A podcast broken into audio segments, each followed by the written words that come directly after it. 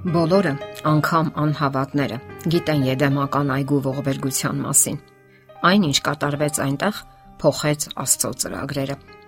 Սակայն մենք նաև գիտենք, որ Եդեմական այգում տեղի ունեցած ողբերգությունն էր պատճառը, որ Աստված մարդացավ եւ երկիր իջավ։ Երբ մարդը մեղք գործեց, նա կորցրեց հավերժական կյանքի հնարավորությունը։ Այդ օրից հետո մեղքը սկսեց թակավորել երկրում։ Մարդիկ ծերանում են եւ մահանում մահանում են թե ծերությունից եւ թե բռնի մահերից։ Նրանք ոչնչացնում են միմյանց անխնա եւ անգթաբար։ Տարօրինակ չէ արդյոք, որ հենց մարդն է ստեղծել եւ կյանքի կոչել զանգվածային ոչնչացման զենքերը։ Նրանք օգտագործում են իրենց ողջ տաղանդն ու ընտունակությունները, հսկայական նյութական միջոցներն ու հնարավորությունները, որpիսի ստեղծեն մահաբեր ու սարսափազդու զինատեսակներ։ Թվում է, մարդկությունը դատապարտված է, դատապարտված է անհուսորեն։ Ով կարող է ապրել մեր մոլորակի վրա եւ մեղք չգործել։ Բոլորն էլ մեղք են գործում, սակայն Աստված չի ցանկանում մեղավորի մահը։ Դեռ հնուց նա այնպիսի կարգ էր սահմանել, որ յուրաքանչյուրի մեղքի համար կարող էր գառնուկ մահանալ եւ կներվեր այդ մեղքը։ Մահանում էր անմեղ գառնուկը, փոքրիկ ու անպաշտպան գառնուկը, որ խաղացել էր այդ տան փոքրիկների հետ, սիրվել ու մեծացել, եւ նրանք ովքեր հավատում էին այդ զոհաբերությանը եւ հավատարմորեն հետևում դրան, հավերժական կյանքի հույս ունեին։ Նրանք հույս ունեին ապրել այն երկրում, որ կորցրել էին իրենց նախածնողները՝ Ադամն ու Եվան։ Մեղքի փոխհատուցումը մահն է եւ յուրաքանչյուր մեղք զոհաբերություն է պահանջում։ Գառնուկի զոհաբերությունը հենց դրա համար էր նախատեսված եւ որpիսի հիշեցներ մեկ այլ զոհաբերության Հիսուս Քրիստոսի փրկարար զոհաբերության մասին։ Հազարամյակներ հետո երկիր կգա աշխարհի փրկիչը եւ իր կյանքը կզոհաբերի հանուն մեղավոր մարդու։ Նա եկավ մարդկային կերպարանքով եւ մարդկային բնույթով,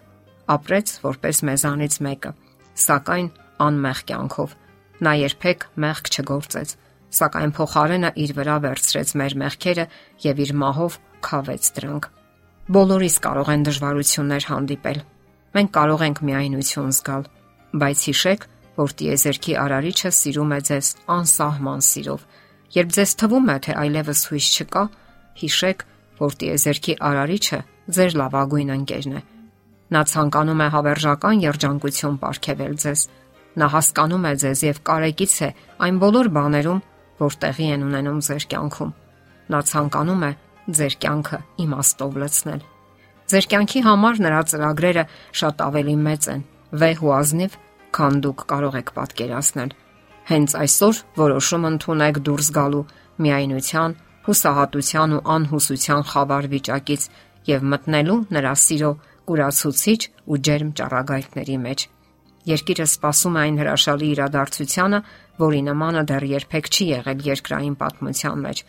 Այդ իրադարձությունն իր փառքով եւ հոյակապությամբ կցրի մեր բոլոր վախերն ու սարսափները, կորուստներն ու տարապանքները։ Մենք սպասում ենք մի հոյակապ իրադարձության, որը վերջնական հաղթանակ կլինի մեղքի ու չարի հանդեպ։ Հիսուս Քրիստոսի երկրորդ գալուստն է այդ իրադարձությունը։ Նա խոստացել է, որ նրանք, ովքեր հավատարիմ են իրեն, կտեսնեն նրան իր ողջ փառքով։ Եվ այն ժամանակ կտեսնեն մարդի որդուն ամպերի վրա, եկած զորությամբ եւ մեծ փառքով գրում է Ղուկաս ավետարանիչը։ Հիսուսը կշրջի պատմության ողջ ընթացքը։ Պատմություն, որ լի է պատերազմներով եւ արյունահեղություններով, անարթարություններով ու տարապանքով, միայնակների ու անհուսության մեջ լացողների հառաչանքներով։ Երկիրը հեծում է մեղքի մեջ։ Ամեն օր մենք լսում ենք ամենատարբեր դժբախտությունների ու աղետների մասին, եւ մեր սիրտը ցավում է։ Մենք լսում ենք անմեղ զոհերի, քաղցից թեր սնվող երեխաների հիվանդությունների ու մահվան մասին։ Մարդիկ հույսով դեպի երկինք են բարձրացնում իրենց ձեռքերը եւ մեր Տիրոջ Քրիստոսի խոստումը իր վերադարձի մասին կարմիր գծով անցնում է ողջ Աստվածաշնչի միջով։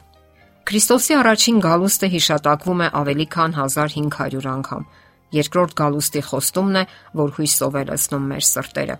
Աստվածաշունչը հավաստիացնում է, որ երկրային պատմությունը կավարտվի ոչ թե ինչ որ սարսափելի միջուկային, կենսաբանական կամ քիմիական աղետով, այլ Քրիստոսի փառավոր գալուստով։ Ապագան պատկանում է ոչ թե միջուկային պայթյունի ամպին, այլ Հիսուս Քրիստոսի փառքի ամպին։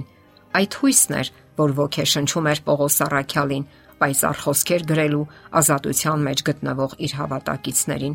1.5 մետր բարձրություն ունեցող մամերտինյան բանտի պատերը անկարող էին անկճել տարեց առաքյալին. խոնավ եւ մահաշունչ զնդանի մեջ վհա տեսնել նրան որ չգրի հետեւյալ մարգարեական խոսքերը սпасելով այն երանելի հույսին եւ մեծ Աստծո եւ մեր Փրկիչ Հիսուս Քրիստոսի փառքի հայտնությանը ապավինեք այդ երանելի հույսին ձեր կյանքը հանձնեք Հիսուսին եւ հուսախապ չեք լինի Դուք կժառանգեք հավիտենական կյանքը եւ հավերժ կապրեք Հիսուսի հետ։ Հիսուս Քրիստոսը աշխարհի հույսն է։ Այլ հույս մարդկությունը չունի։ Մարդկությունը փորձարկել է բոլոր հնարավոր տարբերակները եւ ամեն անգամ ավելի ու ավելի է համոզվում դրանց անօգտակարության մեջ։ Չեն օգնում ոչ քաղաքական բարեփոխումները, ոչ սոցիալական եւ ոչ համամարտկային հսկայածավալ ծրագրերը։ Մեր հույսը Քրիստոսն է եւ նրա մոտալուտ փառավոր վերադարձը։ Սիրելի ունկնդիր, պատրաստ ես հենց այսօր դիմավորել նրան, եթե այո, ուրեմն հենց հիմա նրա համար տեղ պատրաստիր քո սրտի ամենագողտրիկ անկյունում։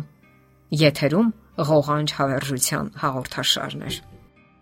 Հարցերի եւ առաջարկությունների համար զանգահարել 033 87 87 87 հեռախոսահամարով։